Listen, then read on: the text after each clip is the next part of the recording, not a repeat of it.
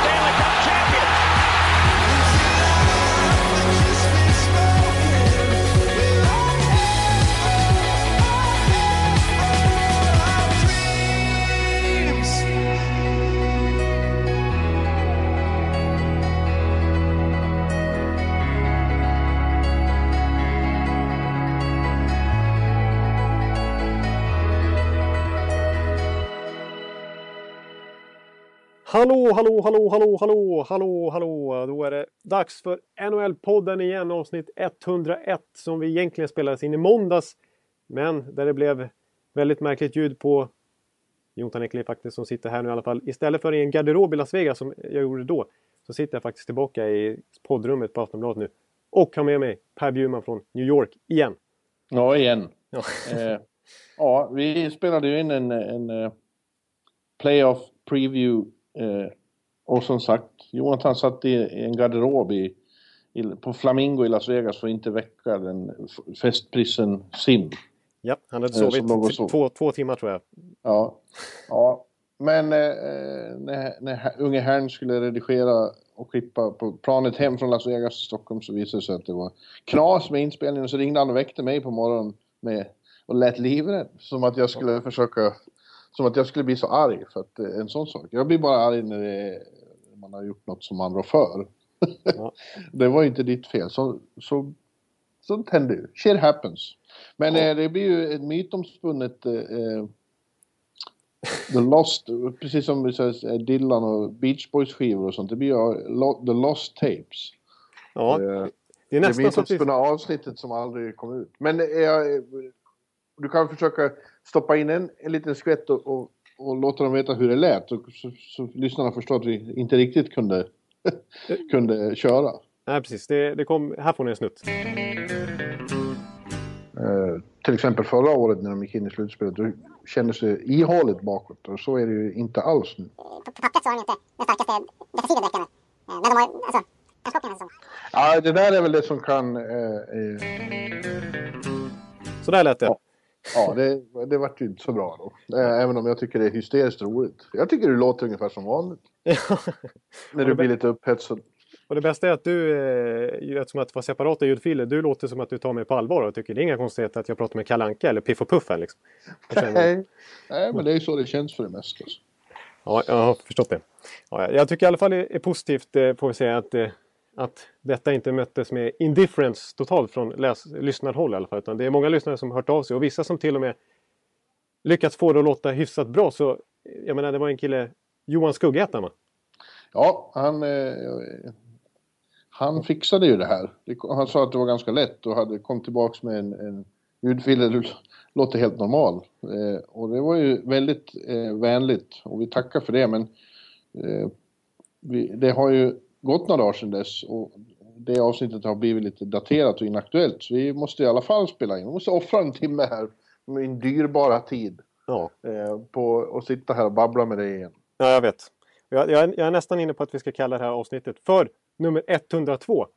Faktiskt. Ja, eller 101B. 101B eller något sånt där. Ja, för det, det känns som att det riktiga 101, en, och, en timme och 25 minuter tror jag vi snackar. Det, det kommer ju aldrig ut liksom. Nej, The Lost Tapes, jag säger ju det. Och jag, jag är lite, det här med Johan Skugges version som han mejlade in. Det, jag, en annan lyssnarkommentar var ju att eh, jag borde omedelbart nomineras till Calder Trophy för mina klippningskunskaper. Ja. Så, att, ja. så är det ju tyvärr. Ja, nej men eh, åtminstone så, så är vi igång i alla fall igen och eh, ska... Ja, det, Vi, vi, vet ju, vi, vi har ju redan pratat i en timme om det här egentligen så vi, vi blivit inte så jättechockade över våra ås åsikter. Men vi ska återigen snacka om Alltså det blir ju en playoff preview även om vi har fått eh, resultat lite från de första tre matcherna som var natten till torsdagen här. Och som vi kommer Ja. att snacka lite extra om här i, i början kanske. Eh, så, så ska vi gå igenom alla serier och köra våran slutspels extra podd här nu i alla fall.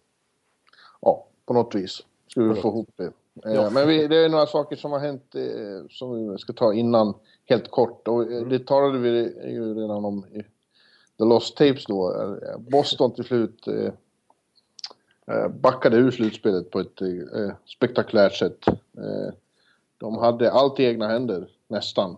Eh, om de hade, eftersom Detroit fick stryk i sista matchen mot Rangers här och så hade de ju eh, gått till slutspel om de hade vunnit hemma mot det helt avhängda Ottawa som spelar en meningslös match men slår Boston med 6-1. Ja. Eh, Det var ju ett ganska... eh, Ett praktfiasko av eh, faktiskt häpnadsväckande och obegripliga dimensioner. Ett så, ett så bra lag som Boston ska inte behöva råka ut för det, hamna i den situationen. Nej, och det, och det som gör det extra pikant om man ska säga, det är ju att det är andra året i rad som Boston lyckas slarva bort det. Ja, precis i slutet, sista veckan. Ja. Ja, och sista dagarna till och med. Ja. Och, Ja, och, och det har varit liksom, det blir ändå på något sätt lite symptomatiskt för den här säsongen när, när Boston vi tycker båda två att, att och vi har hyllat dem ganska mycket senaste veckorna och känt att Boston är ett lag som ja, nästan höll på att hota om Atlantics, alltså divisionstiteln snarare än att snubbla ur slutspelet. Ja. Eh, och, eh, och, men, men ändå så den här säsongen så har de inte kommit upp när det har betytt som mest nästan. Jag menar, vi minns ju alla Winter Classic-matchen när de mötte ett riktigt stukat Montreal och fick stryk med 5-1 eller vad det var. Ja. Och när Milan Lucic kom tillbaka, den ärrade hjälten, till, eh, och skulle spela sin första match i Boston igen, fast i Kings-tröjan, ja, då släppte de in nio mål. Och de började säsongen med tre raka torsk. Och slog Ja. historiskt usel start. Och eh, många viktiga matcher här på slutet har de, har de inte alls Ja, kommit upp i. Winter Classic. Mm. Eller sa du det? Ja, ja exakt. Det var väl Sa du? ja, en jag, typisk så. jag tittar på ett mail som jag... Jag, jag varit lite disträ här, förlåt. Ja, ja. Men, som vi... Ja, ja. Eh, Vi spekulerade ju då i måndags om hur det skulle bli med Claude Julien. Om det här var eh, spiken i hans kista. Men just idag då, i torsdags kom ju beskedet att nej, Boston behåller Claude Julien. Och det tycker jag låter... Eh, ja, det, är, det är i alla fall tufft. Det är säkert jättemycket fans och så som har krävt att nu måste han gå och så. Eh, för att i någon mån är det ju hans ansvar att spelarna inte är redo Ja. eh, en sån här gång. Ja, jag, jag tycker också alltså, vi, vi var inne lite på det. att det, det må, någon slags förändring måste ju till när, när eh, laget två år i rad eh, på något sätt spelar ur sig själva i slutspelet lite grann. Det är Ja. någonting som inte riktigt funkar där. Men samtidigt så, så är Claude Julien, han är ju en väldigt aktad tränare och man har stor respekt för honom. Man, det finns inte så mycket bättre alternativ än honom på marknaden. Och skulle han bli ledig så skulle ju flera lag direkt höra av sig. Ja, det skulle till och med kunna bli så att eh, Boston fick honom i samma division. Ja, ja, Och, eh, för att det, han skulle ju förmodligen få jobb i Ottawa om inte annat då, som Nej. just har sparkat eh, Cameron. Ja, det får vi gå in på också för att det var ju Ottawa, Ottawa som, som slog, ja vi behöver inte gå in jättemycket, de slog i alla fall Boston den där 6-1 matchen men eh, det, kort senare så, så blev det klart att Brian Murray avgår som general manager. Eh, och att eh, den nya assisterande killen som tog över där, eh, Pierre Dorion, hans första åtgärd var bara sparka hela tränarstaben. Med Ja. Dave Cameron i spetsen. Och, eh, och, att det, och det blir ju så mycket riktigt som Eugene Mel Melnick sa för några, några veckor sedan, ägaren av Ottawa, att eh, ingen går säker förutom i princip Erik Karlsson.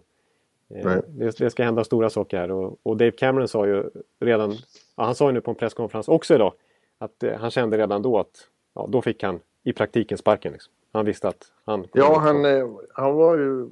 Ja, han höll en presskonferens där han var väldigt besviken och sa att han har känt sig sparkad i tre veckor. Eh, Ja. Han är dead man walking ända sedan Melnick kom ut och sa det där.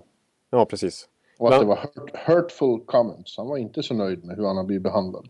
Nej, precis. Melnick sa ibland, alltså de, i första matchen för säsongen så startade han med Matt O'Connor i kassen. Den, den, den eh, spännande ynglingen som de knöt till sig på sommaren. Eh, och så mycket mer än så blev det inte med Matt O'Connor. Han hamnade i AHL senare. Eh, och eh, Melnick kallar ju Camerons beslut där för idiotiskt. Ja. Och den typen av ordval kring sin tränare. Och då förstår man att eh, förtroendet är inte på topp. Nej. Ja, han är en speciell ägare den här Melnick. Han är inte rädd för att klämma ur sig saker när som helst. Nej, precis. Eh, och apropå ägare så var det en väldigt inflytelserik och stor och viktig ägare som gick bort eh, alldeles nyligen. Och det var ju Ed Snyder då i Philadelphia. Eh, Ja. Som ju var den som grundade Philadelphia. På, tog hockey, NHL-hockey till Philadelphia. Och, eh, har varit grundare och ordförande och varit, varit ansiktet utåt ända fram till nu alltså. Ja. Och, och vann, vann 75. Ja, han var eh, grund, grundaren får man ändå säga bakom hela Broad Street Bullies. Liksom. Han, han är ju Mr Philadelphia, Ed Schneider. Ja, Extremt aktad i NHL, både på ett gott och ont sätt för att det är ju en, en väldigt karismatisk man det här. Eh, men vi såg ju redan nu i, i början av slutspelserien i natt här att eh, han fick ju tysta minuter på i princip alla arenaelvan. Tror jag. Ja, han är ju en, en eh, den sortens ägare håller på att försvinna. Och, och, som sagt, en här patriark som verkligen har eh, symboliserat Flyers och satt prägel på hela organisationens image. Ja. Men den, och det, det har ju funnits alltså han eh, Wirtz i, i Chicago, Ja, gamgubben, ja, som inte var riktigt klok. Och eh, Ballard i Toronto förut. Men den sortens eh, karaktär försvinner. Det är väl också på gott och ont. Det, det onda är att det ofta ersätts av så här ansiktslösa konglomerat av, av trista kostymer. Ja, nej, det var som du konstaterade i, i måndags där att eh, Ed Schneider, eh, om, om jag, jag dominerar ju inte alls vid pokerborden och så vidare där i Las Vegas men, men Ed Schneider skulle ju kliva in där med en cigarr och fullständigt spela, spela bort resten känns det som. Han skulle i alla fall komma in med sitt, med sitt gäng där och han känns lite Det som den typen. Entourage, ja. jag har sett honom några gånger faktiskt i Philadelphia när han har kommit ner med gäster i omklädningsrummet och tagit över och gått omkring och visat att det här är mitt, det här är mitt lag och titta här har vi en Claude Giroux, det här är min kille. Ja. Ja, nu går vi igen och så har man förstått att nu ska grabbarna ut och, och, och dricka drinkar och så. Ja. Eh, Och Philadelphias bättre etablissemang. ja, just det. Ja, men eh, ja, tråkigt, tråkigt för honom. Vi diskuterade också att eh, eh, Don Maloney har fått sparken i, som general manager i Arizona, vilket jag uttryckte eh, förvåning över. Jag tycker han har gjort ett enastående jobb där, sett till vad han har haft för resurser och hur mycket turbulens och skit det har varit där hela tiden. Ja. Så har han ställt ett, ett konkurrenskraftigt lag på, på banan som ju faktiskt var i, i konferensfinal för ett par år sedan. Här. Eh, och då, det känns som att de har något spännande på gång nu igen också. Liksom. De är inte Ja. så många De gjorde en stark säsong, en verkligen stark säsong. Det var många som, jag också, eh, som hade dem eh, som alltså en bottenkonkurrent. De verkligen skulle göra upp med Toronto om att komma sist. Men Ja. de var ju med i slutspelsdiskussionen fram till februari-mars nästan.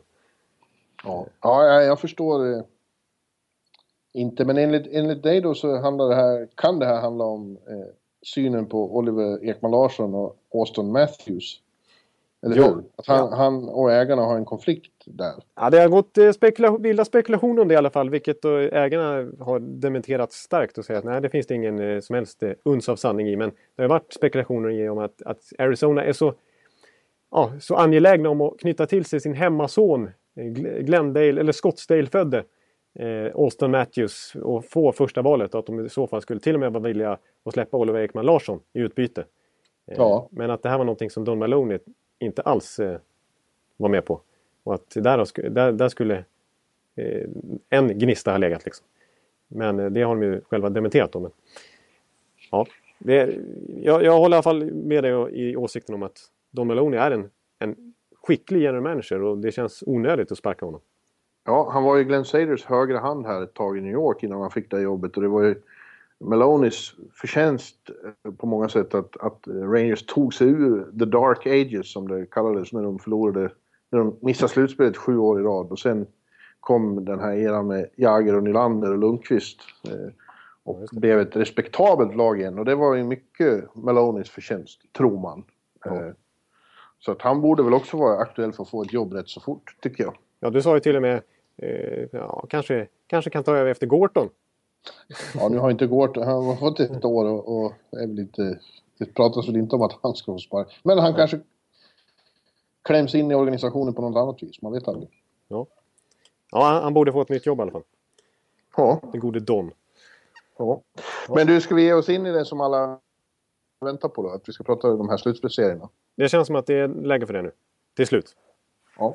Eh, och eh, ja, eh, i måndags så gick vi igenom dem i kronologisk ordning så, men nu har ju då de tre första matcherna hunnit spelas.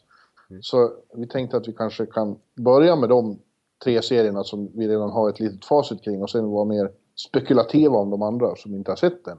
Nej, exakt. Vi frångår poddens otroligt eh, hängivet, he- hängivna koncept för första gången Vår- tror Vårt anala förhållningssätt kan vi kalla det. Ja.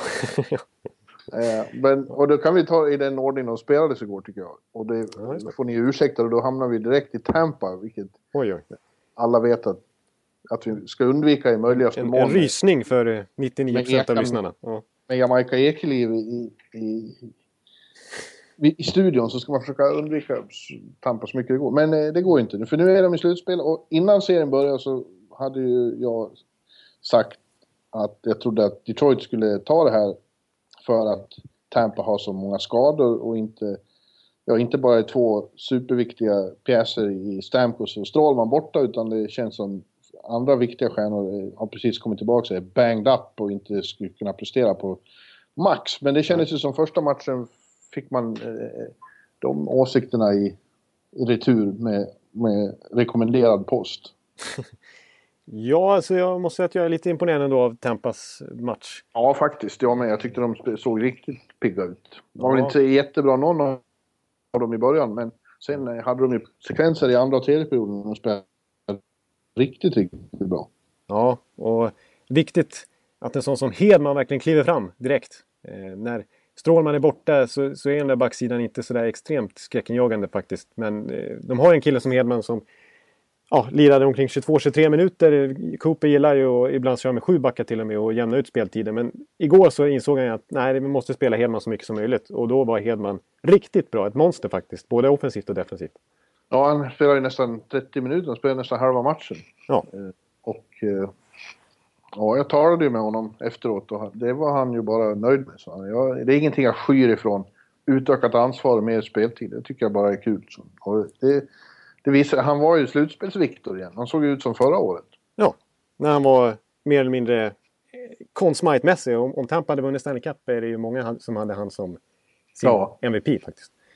Eh, Så att, det var positivt. Eh, I Detroits väg så vill jag bara säga att, att, att jag, jag tippar också att de ska vinna den här serien, som jag sa i måndags. Och jag ska inte by- byta åsikt allt för tvärt här, men ja, det märks att de har att de inte riktigt är i, i balans. Att de, de borde kunna prestera bättre än så här, men de har varit ganska... Hela säsongen har det sett... Ja, från och till har, har de visat en bra högsta nivå liksom, men det har varit eh, svajigt och det är mycket eh, kedjebyten av Blashill. De Ja. får inte riktigt till det. Och jag kommer ihåg förra, förra året när Detroit verkligen skakade Tampa Bay i, i första rundan så, så var, hade hittat Babcock direkt perfekta matchups. Och det var ju samma kedja hela tiden och han hittade direkt en, en ton där. Och det känns som att Blashill, han ändrar kedjor till och med flera gånger i den här matchen och fick inte till det liksom. Och, och det känns inte... Jag menar, Mrazek var ju fantastiskt bra i förra årets eh, slutspel. Nu är det Howard som stod och jag tyckte jag... Visst, han gjorde ingen dålig match men inte, han lyckas inte vinna den åt Detroit på något sätt eh, heller. Det, Nej. det, det är mycket frågetecken fortfarande i Detroit som de måste lösa snabbt nu faktiskt. Ja, det är fladdrigt. Det, det är så här, de hittar ingen consistency eller kontinuitet. Det är för Nej. mycket ojämnt från match till match och i matcherna också. Det, Ja, ja. och på sina håll så såg det också segt ut. ja precis. Det, de får inte riktigt... Eh, visst, de hade ganska mycket skott på mål i- igår och de hade några riktigt farliga lägen. Det, det, det ska man säga. Eh, även i andra och tredje perioden. Men ah, det, det är inte det där... Det är inte det där, de kommer inte i vågor och sköljer över på något vis utan det, blir lite till och från. Eh, och, ja. Eh, ja eh. Det känns som att ingen riktigt har en sån där... Visst, Larkin har... är, väl ett, är väl ett undantag men det känns som att många har lite down-säsonger. Även och Zetterberg men framförallt Nyqvist, Tatar, Glendenning, Sheehan och de här som, man för, som förväntas ta över som bärande ja. spelare nu. Eh, ja, de sa ju själva att de inte hade varit tillräckligt bra. Det var väl helt enkelt vad de, vad de sa. De förstod att de måste vara bättre. Ja. Eh, eh, intressant är ju då att Drouin är uppe igen efter alla sina konflikter och, och, och satt, eh, gjorde ett avtryck i den här matchen får man säga. Han gjorde inga mål men eh, han var ju... Han, han var, var inblandad? Han, ja, han var väldigt eh, aggressiv. Ja. Ja, det var kul. Det var, alltså det är o, alltså för mig är det helt obegripligt att, att vi nu sitter och pratar om att Drouin spelar i princip i första kedjan i slutspelet. När vi, när vi för tre månader sedan eh, läste upp hans pressmeddelande om att han aldrig mer skulle ha någonting med Tampa Bays organisation att göra whatsoever. Och var avstängd av Steve Eisenman och självaste Steve Eisenman som ju inte är den som viker sig i första taget. Eh, och eh, ja, han gjorde ju en bra match och han, eh, spelade ju nästan 20 minuter. Eh, ja. Och i slutet, trots att han hade dragit på sig dubbla ganska onödiga utvisningar och åkt offside på Hedmans mål som gjorde att det blev bortdömt så, så eh, fick ju Drouin till och med dubbelskift i slutet när, när de skulle försvara ledningen. Så att helt plötsligt så tvärtom. Från att Cooper har bänkat honom för minsta lilla tidigare säsonger så var det nu liksom att Drouin var en viktig spelare i avgörande defensiva situationer till och med i den här matchen. Det, det som är intressant här är ju att Drouin är inte bara uppkallad nu utan han är uppkallad lite grann som en nyckelspelare nu när de har offensiva pjäser borta. Ja. Han måste, han, eh, alltså det är viktigt för Tampa Bay att han levererar nu för att de har inte så mycket annat att gå till. Liksom. Nej, men det gjorde han ju. Han var, han var som sagt aggressiv och, och somliga gjorde till och med iakttagelsen att han, att han försökte provocera Henrik Zetterberg. Ja, det kanske stämmer. Ja. ja, ja. det märktes att eh, Abdel Cader var på några gånger och försökte säga några välvalda ord när han eh, var framme och, och, och, och både både kroppsligt och verbalt eh, försökte ja. göra avtryck på Red Wings. Ett annat, intressant, man trodde ju då att eh, bland de här som skulle vara banged up och kanske inte hundraprocentiga var Kucherov en och Tyler Johnson en annan. Och de var ju väl, gjorde ju väldigt bra match. Ja, det, det, det, det, får man säga. Det, var, det tycker jag naturligtvis. Var... Kucherovs första mål var ju vilken, vilket, vilket härligt skott. Det var Stamp, Stamkos. Ja, det, man trodde var fan inte Stamkos borta. Ja, ja nej, men en sak jag vill säga om, Stam, om Kutjov som jag tidigare under säsongen har kallat Tampa Bays bästa forward. Som det är just, även när Stamkos var skadevis så tyckte han var viktigast för offensiven för Tampa. Och det som jag gillar med Kutjov, alltså med hans, den här lite ryssstämpeln om att man är, är lite humörspelare och, och eh, kanske inte levererar i de viktigaste matcherna. Som det, det kan vara en jargong kring. Eh, så tycker jag Kutjerov, ja visst han är faktiskt lite humörspelare. Men han är humörspelare på ett oerhört positivt sätt för att han är inte en sån kille som går igång på när man leder med 4-1 hemma mot Devils i omgång 52 utan han är en sån som går igång när det tycker hockey är som roligast, när det är som viktigast. Mm. Han var, han är, ända sedan han kallades upp för Tampa Bay för två år sedan någonting så har han alltid steppat upp och levererat i de viktigaste matcherna, både i grundserien och slutspel. Han var ju otroligt bra i slutspel i fjol också. Och eh, nu är det ju enorm börda på honom att leverera mål när han är den bästa målskytten när Stamkos är borta i, i laget. Och, och, han går in och gör två mål direkt. Så att Kutjov tycker jag, han är, han, är, han är på riktigt i allra högsta grad. Han är en, en stjärnspelare i NHL för att stanna. Och han har ju också utgående kontrakt också, vilket man aldrig pratar om. Han, han är... Ja, lugna dig nu. Nu håller ja. du på att snöa in i ja, sådana här Tampa-nörderi. Ja, Sluta med det. Ja, tack. Eh, och nu, 10 000 lyssnare applåderar det där för inbrott. Yes.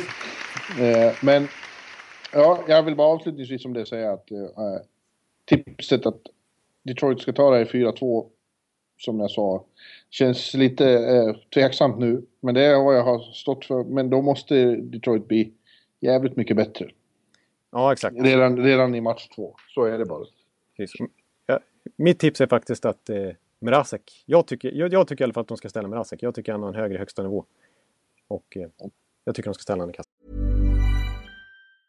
A lot can happen in three years, like a chatbot may be your new best friend. But what won't change? Needing health insurance. United Healthcare Tri Term Medical Plans, underwritten by Golden Rule Insurance Company, offer flexible, budget friendly coverage that lasts nearly three years in some states. Learn more at uh1.com. Ja. ja, då blir det en fin övergång för frågan är vem eh, Rangers ska ställa i kassen eh, Ja. i match nummer två. För att eh, det vart ju big drama i första matchen mellan eh, Pittsburgh och eh, Rangers. Ja. Eh, I slutet av första perioden fick eh, Henrik Lundqvist alltså kubbspets, lagkamraten Mark Stahls kubbspets på något jävla vänster in i masken och träffade honom alldeles i närheten av ena ögat. Ja. Och han får ner och såg ut att ha fruktansvärt ont och låg och sparkade med benen i isen. Det såg jävligt obehagligt Inget bra tecken. Nej. Nej, det var väldigt obehagligt och eh, åkte till båset och vart, eh, fick ögondroppar och så. Och sen så när de kom ut i andra perioden så var han inte med. Det var anti-Ranta i målet. Och eh, det har ju varit väldigt oro i, i Rangers-leden om hur allvarligt det är. Eh, och vi vet fortfarande inte. Vi vet att eh, de har kallat upp Magnus Hellberg från Hartford. Ja. Säkerhetsåtgärd säger Vigneault på presskonferensen nu på morgonen så sa han att de tror inte att det är så allvarligt och, och det verkar inte vara något med synen utan det är snarare något runt ögat. Okej. Eh, Ja. Och det är tydligen uppsvullet och han ska se en eh, expert i... Eh, träffa en expert i Pittsburgh idag. Och Mm. så får vi se. Han måste kunna träna imorgon sa Vigneault under fredagen för att spela lördag annars blir det här Anta. Men vi, vi hoppas ju och... Ja, jag hoppas för hans skull. Ja, verkligen. Att det är bra. Det är honom jag tänker på. Ja, och, och vi, sa, vi kom ju överens om det i måndags att eh, om Rangers ska ha någon chans i den här serien mot, mot ett extremt formstarkt Pittsburgh så är det ju Henke Lundqvist som måste stjäla matcher åt dem. Ja. Det känns ju så. Men det gjorde han inte. I, i, han fick ingen riktig chans att skära något då. Eftersom han försvann. Eh, Många storylines i den här serien. Det börjar med att eh, Pittsburgh också har målvaktsproblem. Eh, Flurry och andra Morrison Murray är båda skadade så de fick ju ställa upp med tredje Morrison, Satcom. Ja, Och hade fjärde Morrison, en... en eh, eh, vad hette han egentligen? Nej, vi, vi vet knappt. Ja, Jarrett nå- någonting. Eh. Ja, men det, alltså, ja, det var ju väldigt oro då i hur ska det här gå. Men han gjorde ju, som så ofta tycker jag händer i sådana här situationer, han var ju lite hjälte. Han var ju riktigt, riktigt, riktigt bra match gjorde han. Ja, faktiskt. Så det var inga problem för, för dem med denne journeyman i, i kassen. Nej, jag, jag tyckte det var lite kul. Som, jag tror det var Brett Surgalis där i New York Post va? Mm. Som noterade att, eh, att det var lite John Tortorella-takter på Mike Sullivan. Eh, Mike Sullivan är ju Tortorellas gamla högra hand i, i Toronto, eller i, i Rangers bland annat. Att, eh, att förmodligen så visste man att Flurry inte riktigt var liksom eh, hel. Och att, att man förmodligen, och samma sak med Murray, att man visste att förmodligen kommer Satkoff stå den första matchen. Trots det så var ju Fleury med på alla träningar fram till det och med på morgonvärmningen och alla trodde ju någonstans att det skulle bli Fleury eller Murray som skulle stå första matchen. Men att det kanske var ett litet spel för galleriet för att inte, ja, för att liksom eh, ja, inte chocka Rangers lite Ja, vad skulle det ge nu då? Ja, men att man inte, man, man, man förväntar sig inte att Satkoff skulle stå. Man, man kanske inte analyserar upp. Satkoff riktigt. Och jag tror till och med Salman uttalade sig på presskonferensen efteråt att det var att det var lite så. Man ville inte ge Rangers, man ville inte att Rangers skulle veta vem man skulle ställa i mål. Man, det kunde vara tre olika alternativ. Och det blev Satkoff Ja. som ingen trodde. Så de inte hade eh, scoutat honom riktigt. Nej, De inte precis. hade taktiken att de skulle gå stenhårt. Så, nej, så kan det förstås vara. Ja. Eh, I övrigt, ja, inför den serien så sa ju både du och jag då att det känns som att eh, Pittsburgh är senaste en och en halv månadens bästa lag i, i NHL och eh, att Rangers skulle få väldigt svårt mot dem. Och, och mitt, mitt tips var 4-2 till Pittsburgh och det, det har, känns inte som man har någon anledning att ändra efter den här första matchen. Nej, nej, Pittsburgh är ju... Alltså det är ju coolt att konstatera vilken otrolig vändning på säsongen de har gjort sedan Mike Sullivan tog över. Eh, det finns många storylines där. Dels att de har gjort så otroligt mycket mål. Mest, eh, klart mest mål i hela NHL sedan dess. Eh, Att Sidney Crosby har gått från en typ 148 plats i poängligan till trea totalt. Eh, att Hagelina kommer in där och, och fått igång Phil Kessel ordentligt. Och en, att de har breddat eh, sig djupet på scoringsidan ordentligt. Och att Patrik Hörnqvist har ju varit väldigt bra och gjorde en fantastisk Game One också. Eh, det känns som att... eh, Och Chris Letang är ju riktigt bra igen. Och ger dem eh, välbehövlig liksom, styrka på, i försvarsledet också. Så att det finns... eh, Ja, det är mycket som talar för Pittsburgh överhuvudtaget. Inte bara i den här serien utan de blir intressanta att följa i det här slutspelet känner man så här. Så här faktiskt tycker jag. Ja. Det- Eh, absolut. Eh, nu gjorde de ingen, eh, det tyckte de inte själva heller, någon särskilt storartad match igår. Eh, första och andra så tyckte Hörnqvist, när jag pratade med honom efteråt, att det var Rangers som dominerade och var bättre laget. Eh, men Pittsburgh gjorde väldigt psykologiskt viktiga mål. Mm. Bå- I slutet av båda första perioderna och sen när, när Rangers hade reducerat till 2-1 och hade powerplay och jagade kvittering, då gjorde de ett shorthanded också. Då, där dog ju matchen. Ja, hade, hade, hade det blivit 2-2 hade det blivit en helt annan match där. Ja, men det där är ju som vi brukar säga en styrka också i sig och även vinna även när man kanske inte spelar på topp. Och, och just Hörnqvist får man säga hade en hyggligt lyckad start på slutspelet. Han gjorde hattrick plus eh, assisten till Sidney Crosbys eh, frilägesmål och det var en jävligt enastående passning. Ja, och ett enastående skott av Crosby också. Ja, så, men Hörnqvist start, eh, han, ja, sånt man bara kan drömma om sa han och det är knappt som man kan det.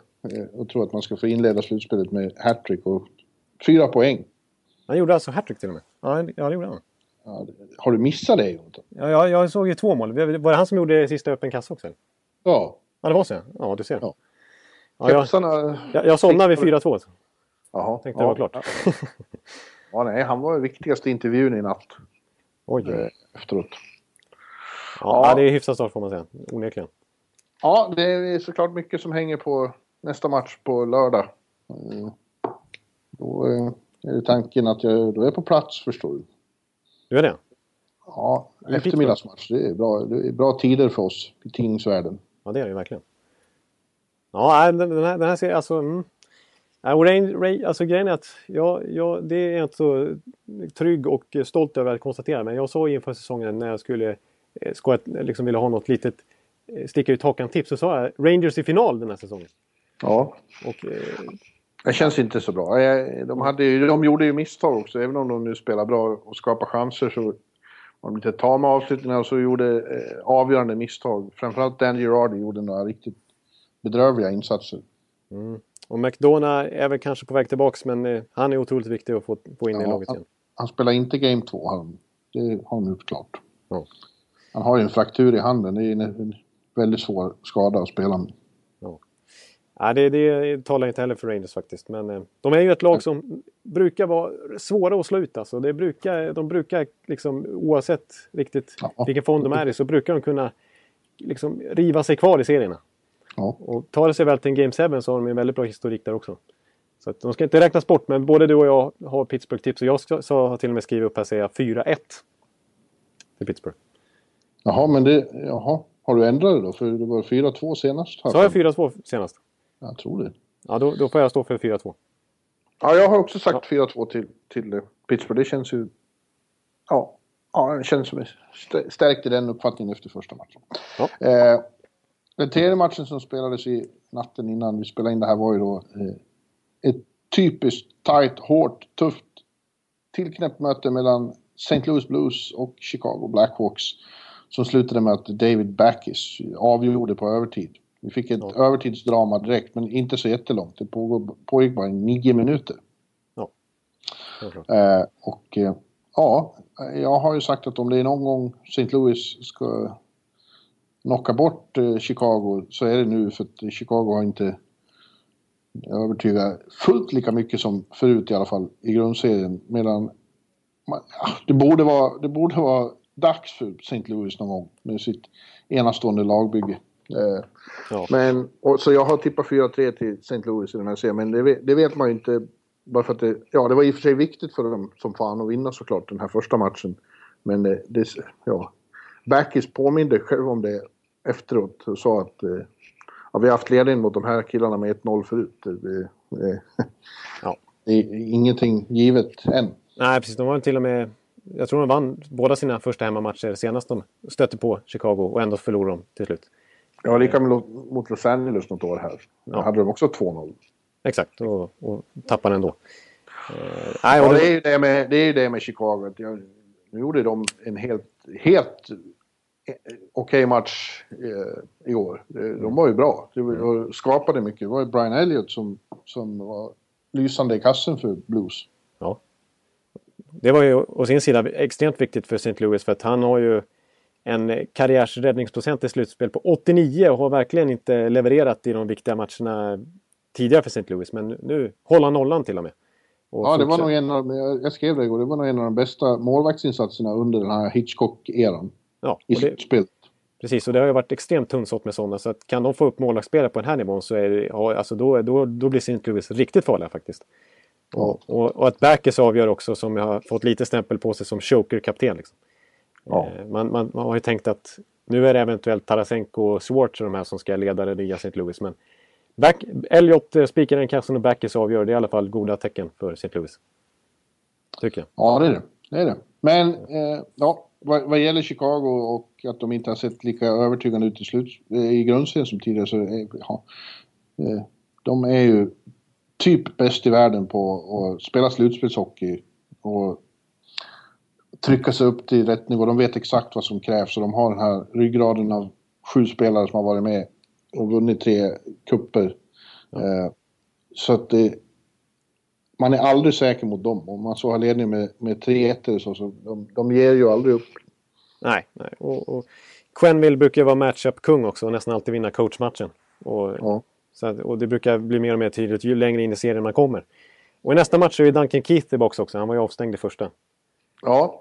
Det var mycket svenska backar på isen igår. Det var Gustafsson och Svedberg och Hjalmarsson. Hjalmarsson var fantastisk. Det var många som pratade i natt om Hjalmarssons eh, storhet. Ja, var, det, var det Mike Moderno eller vad var det som sa att eh, han skulle vara en topp 2-back i alla NHL-lag? Ja. Det är ju en hyllning som heter duga. ja. Men jag var imponerad av Erik Gustafsson också som gjorde sin första slutspelsmatch i, i Stanley Cup och, och såg riktigt bra ut.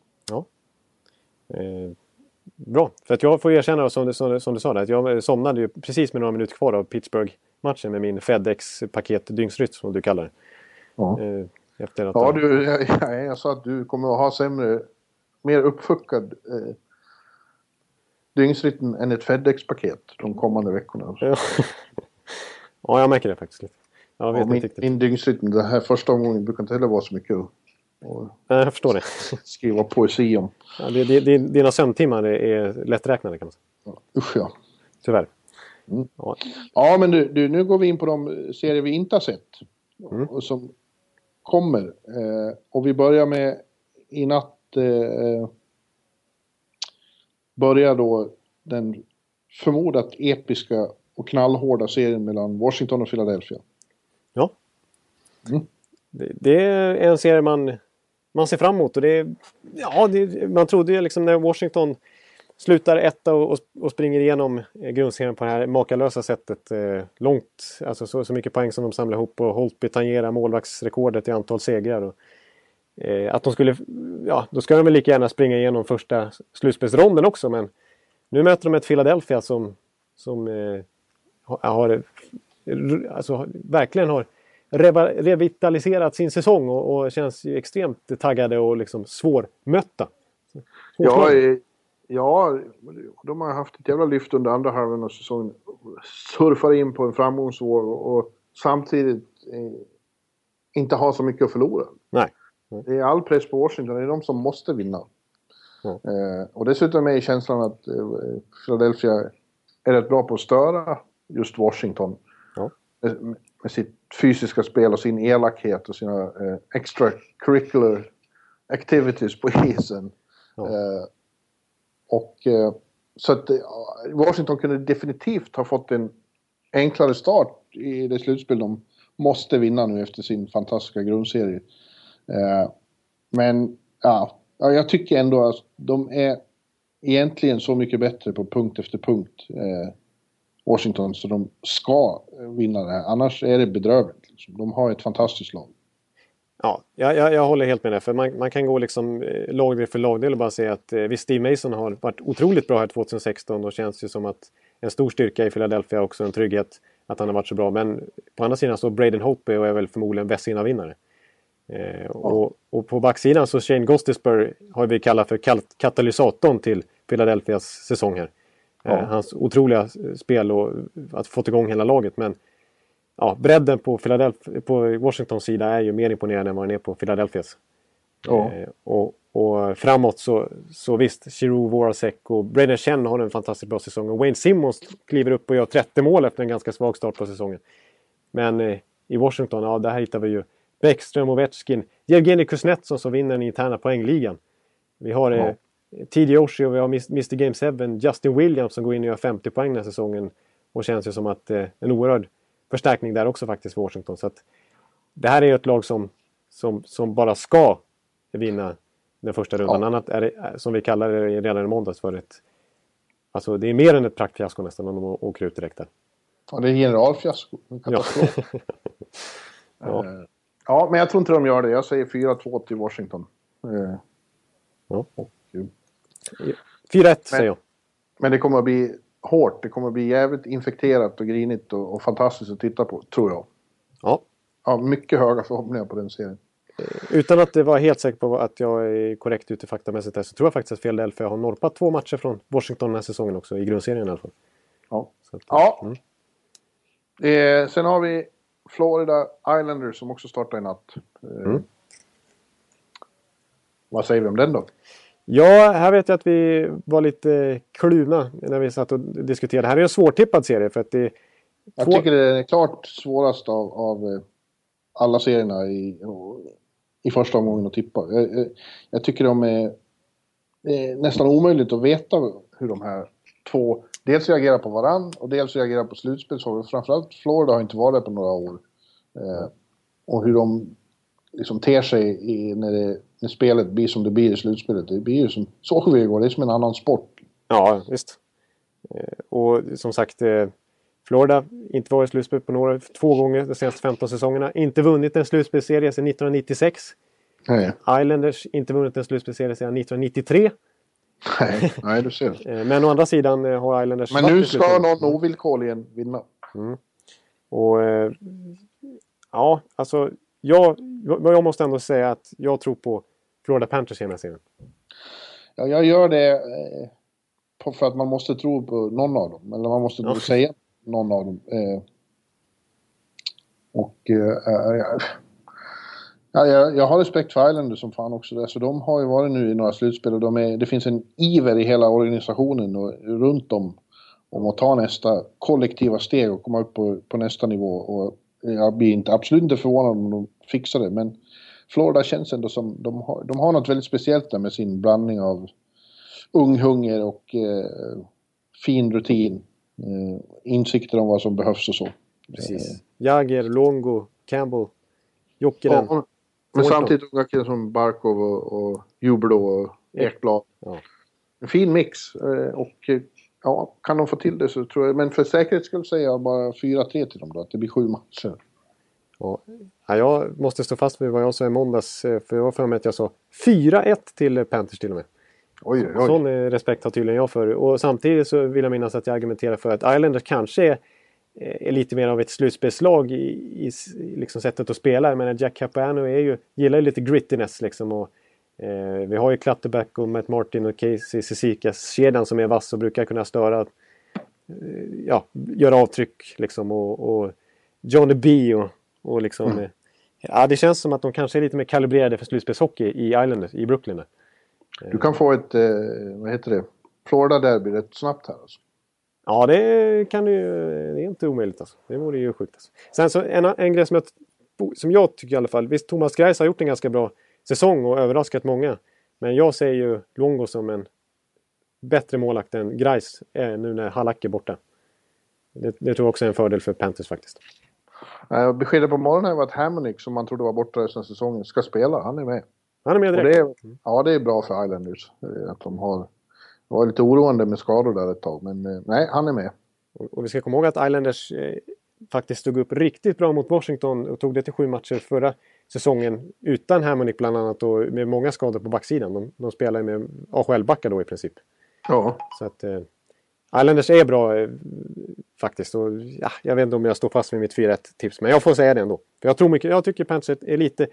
går lite under radarn här. Det snackas lite om dem inför det här slutspelet. Och det är på något sätt det är första slutspelet på, på ett tag för dem också. Så jag tycker inte de har allt för stor press på sig heller.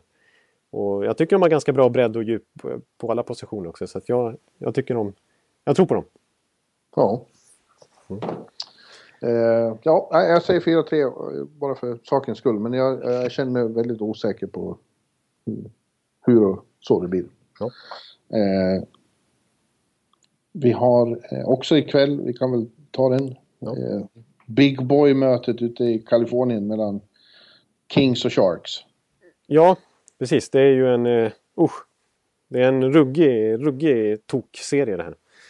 Och med, med, en, alltså dels är det ju stor rivalitet med de här laget men det går ju inte att inte nämna det faktum att San Jose ju tappade 3-0 i matchen mot Kings när de när Kings stormade sedan fram mot eh, Stanley Cup bara för två år sedan. Ja. Eh, alltså en av de största kollapserna i NHL-historien genom tiderna. Liksom. Ja, ja, det finns ju... Å ena sidan betyder det att Kings har ett eh, mentalt övertag såklart. Eh, å andra sidan så betyder det också att Sharks brinner av revanschlust. Ja.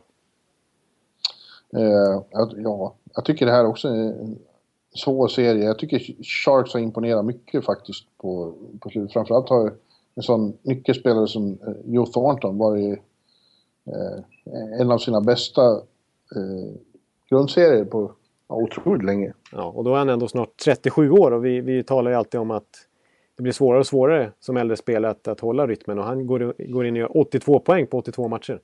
Ja. Och ha- det är långt ifrån bara han det han- handlar om. De har en Brent Burns som gör 75 poäng från backposition och Joe Pavelski som nästan gör 40 mål. Och, och så har, jag menar, och jag tycker du hade en bra poäng också när vi snackade i måndags att deras backsida är ju, är ju underappreciated, något man inte pratar om så mycket. Jag menar, det är inte bara Burns, det är Paul Martin, det är, det är Vlasic som är tillbaka. Och det är Justin Braun och det är Brendan Dillon och det är Roman Polak. ja. Det är en bra sexare där. Vad, vad gäller just det bredden på backsidan så tycker jag de eh, faktiskt har fördel mot Kings. Kings har eh, de tre främsta backarna är imponerande. Eh, men där är ju däremot inte back 3 till 6 så jätte eh, skräckinjagande direkt. Sån som Rob Scuderi är liksom ordinarie. Ja. Så att, eh, ja. Men, men lika, lika fullt, alltså de har ju Dowdy och Massin och McNabb, bra. Sen är det Luke Chen, Rube Scuderi och Alec Ma- Martinez är tillbaka så han, han är ju okej, men han har varit skadad länge. Ja. Ja, där, ty- där tycker jag nog att eh, Sharks har en liten fördel. Och jag menar, de har... Men- ja, Ja, jag, jag, jag, han var inte klar där. Nej. Men ändå så är det, har ju, tycker jag, Kings, eh, jag har sett dem på slutet, de har varit uppe på samma nivå redan nu som de tidigare bara har varit när de har spelat sina största matcher i slutet av slutspelen. Och eh, de, de känns snudd på ostoppbara faktiskt. ja. Jag, jag, jag, ja, jag har svårt att säga emot. Jag, tycker, jag såg ju Kings på plats för första gången här i... För exa, exakt en vecka sedan nu. När, Mm. när de mötte Anaheim i vad man trodde var den stora divisionsfinalen om som skulle vinna divisionen. Men sen lyckades faktiskt Kings sjabbla bort det där på lördagen sen. Eh, då hade de fått möta Nashville istället. Nu blir det Sharks. Eh, men eh, då gjorde de en extremt imponerande match tycker jag mot Anaheim. Eh, och vann med 2-1. Drew Dowdy var matchens stora stjärna. Jonathan Quick, stabil i målet. Anse Kopp. Alla de här viktiga spelarna kom verkligen upp. Och man, man brukar ju... De, de känns lite som en maskin när de är på en, varvar igång på alla cylindrar. Liksom. Och Ja. De är väldigt kompatibla för slutspel, eh, detta Kings-lag med så många ingredienser. De har ju verkligen tuffheten och gritten och de har spelare som Clifford och Dwight King och de här som man aldrig pratar om. De är också bra, är alltid bra i slutspel nästan. Och sån som Dustin Brown är en helt annan spelare i slutspel jämfört med grundserien. Ja, det är ju det. Eh, ja, att, men det, eh, det kommer ju, ja, som vanligt mellan de här lagen kommer det bli barnförbjudet hårt alltså, och brutalt. Eh, man är lite rädd för den där serien nästan. Ja, faktiskt. Lite, lite så. Och, positivt i alla fall för Sharks, tror jag, det är ju att de, eh, vilket låter märkligt, det är att de har inom situationstecken bortaplansfördel. De är, Ja, ja, du har ju påpekat det. De är mycket bättre på bortaplan än, än hemma. precis. De har till och med förlorat fler matcher än vad de har vunnit på hemmaplan, vilket ju är väldigt märkligt för ett eh, facit för ett slutspelslag. Medan de är väl, jag tror till och med att de är bäst i hela NHL på bortaplan eh, den här säsongen. Och, Ja. Eh, har, någon konstig anledning så passar det dem bättre. Så att, eh, Sharks, jag har faktiskt sett att det är rätt många, ja det är nästan 50-50 i tips här. Men, eh, åt vardera håll. Men det känns som att nästan alla tippar sju matcher i alla fall och det stämmer jag in. Men jag säger Kings. Ja, jag med. Jag säger också Kings i sju matcher. Eh, det, det är nästan givet att det kommer att bli så. Många, många pressande övertidsdraman där också. Eh, och jag, jag tror att en liten tydlig fördel, som jag ser det i alla fall för Kings, förutom erfarenheten och sådär, och mentala övertaget kanske, det är Jonathan Quick i målet. Som ju brukar ha förmågan att, att verkligen vara en beast i slutspel. Eh, medan Ja. hans lärjunge då vaktar kassen i San Jose, Martin Jones. Som har varit lite halvskakig sista tiden och till och med är det väl inte helt klart vem som kommer stå första matchen. I, i, i talande stund i alla fall, om det blir Reimer eller Martin Jones. Det känns ju som att eh, Quick är den man helst väljer av de här tre. Ja. Ja, visst. Så att, eh, Ja. Visst är det så. Ja, då har vi bara en serie kvar och den börjar först i, på fredag. Eh, sist ut är Anaheim och Nashville. Mm. En, eh, tycker jag låter som en fantastiskt sevärd serie. Det kommer att spelas förträfflig hockey. Vi vet ju att Anaheim började säsongen chockerande uselt och, och man trodde att var, det, något hade gått alldeles galet. Men de, de räddar ju sin säsong och går in i slutspelet som... Ja, jag, hade, jag har dem, före säsongen tippat dem som eh, finalist mot Pittsburgh. Och det är, det är långt ifrån otänkbart Nej. att det slår in. Eh, jag tycker de är... Nu har de lite skador eh, som har ställt till det, men Ja. de flesta verkar vara på väg tillbaks. Eh, och jag tror ändå med, med sin bredd och sin... Eh, med, med djupet att de ska kunna ta... Nashville är ett, ett sympatiskt lag. Man tycker om att titta på dem, men jag tror att de väger lite för lätt mot de här bjässarna ute i Kalifornien. Ja, alltså Anaheim, det är ju som du sa där, så de börjar säsongen, måste jag bara, bara återigen kommentera, så att de börjar så extremt dåligt och långt in på säsongen ligger sist i Pacific. Och Bruce Boudreau är ju mer eller mindre avsågad i media liksom. Han ska, han ska bort. Eh, men de behåller honom, han ändrar deras spelstil, de tar in en mer defensiv prägel på liksom, spelsättet. Och sen dess så är de ju bäst i hela NHL, bäst poängfacit. Eh, tror jag i alla fall. Lär de ju i alla fall. Och de slutar med det bästa powerplayet i NHL och de har också den bästa statistiken i boxplay. Ja, Jag menar, man pratar ju ofta i slutspel om att eh, det är tajta matcher, få mål. Special, special teams blir extremt viktigt. Och, jag menar, där är ju Anaheim bäst på allting. De släppte in minst mål hela grundserien, de har bästa powerplayet och de bästa boxplayet. Och de har... Ja, det, det är som, om nu Rakell och Perron och sådär kan, kan komma tillbaks så tycker jag också att de kanske har sin bästa forwardsida någonsin här, eh, på, på många år i alla fall. Eh, Ja. För de har sån bredd och de, när de eh, tidigare år har åkt ut mot till exempel Chicago, mot Detroit och så här, så har de ofta förlorat matchup-duellerna. Alltså Boudreau har inte klarat av riktigt. De har, ofta har Getzlaff och Perry blivit utraderade i de viktigaste matcherna. Eh, och så har de inte riktigt haft någonting bakom där. Men nu, nu den här säsongen när de haft som, som när de varit skadefria och som bäst i typ eh, februari-mars där. Då hade de ju då, då hade de ju Getzlaff med Perron som ett fantastiskt eh, par. Och sen så ett lika fantastiskt par i Perry och eh, Rakell. Eh, Ja. Och sen dessutom Silverberg och Kessler.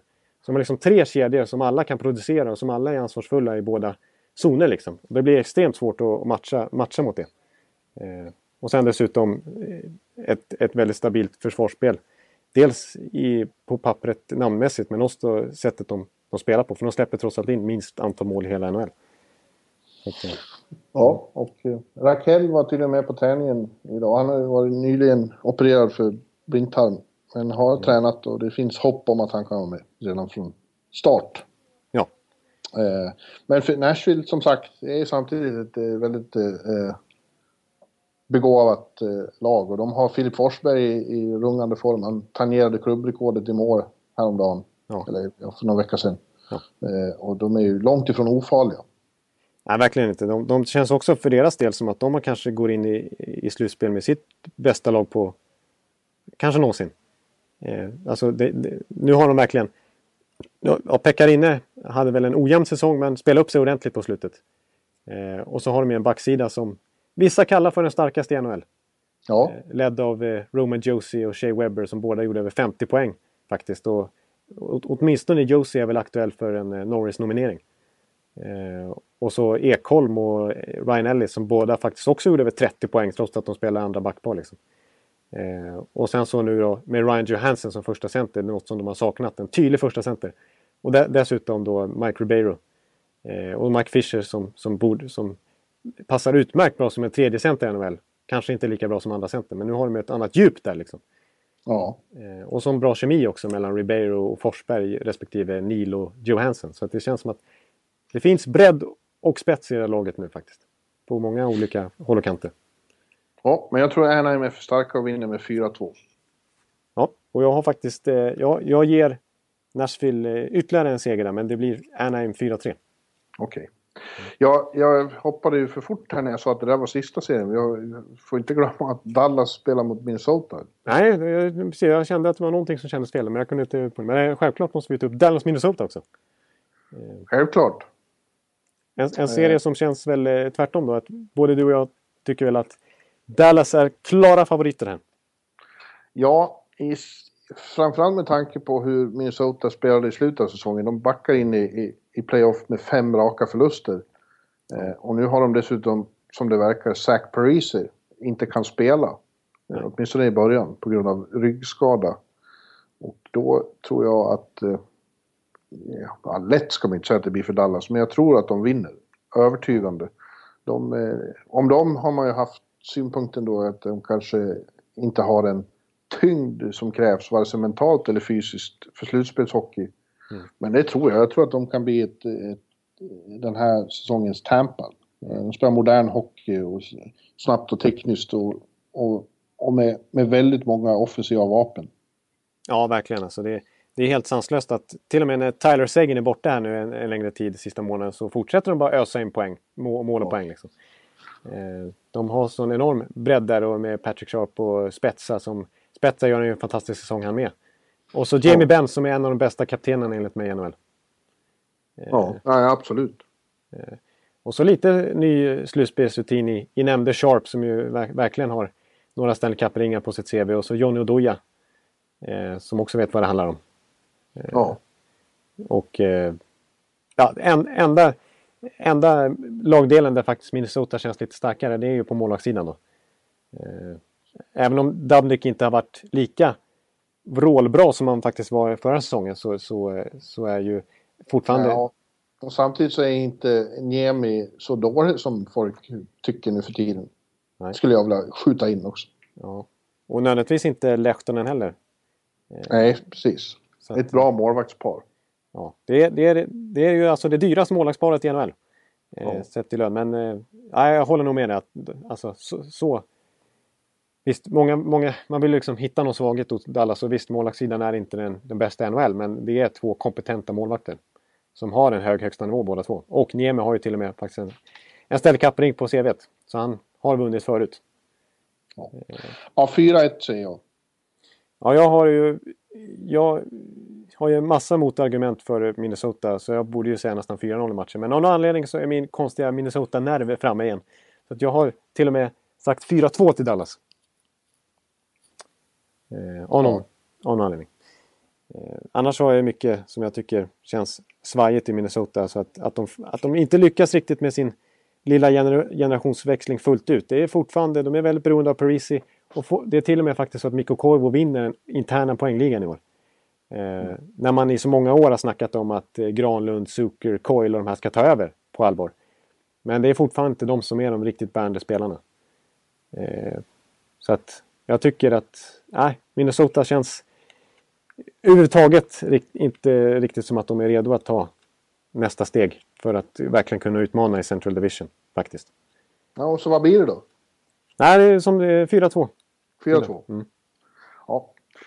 ja, men då är vi klara. Ja. Jag är lite stressad nu för jag fick plötsligt... Jag måste göra massor med saker. ja, just det. Du har ju utöver slutspelet så har du lite valgrejer Ja. också. Ja. Så att, eh, ja, vi, men, men vi, fick, vi får ju vara nöjda här att vi faktiskt fick till det.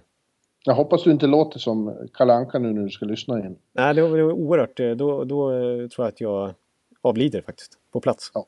Men för att vi ska avsluta på ett snyggt sätt så ska vi inte glömma bort den avslutning vi hade senast. Eh, eh, vi hade väl ett sångnummer till? Hade vi? Ja, det hade vi faktiskt.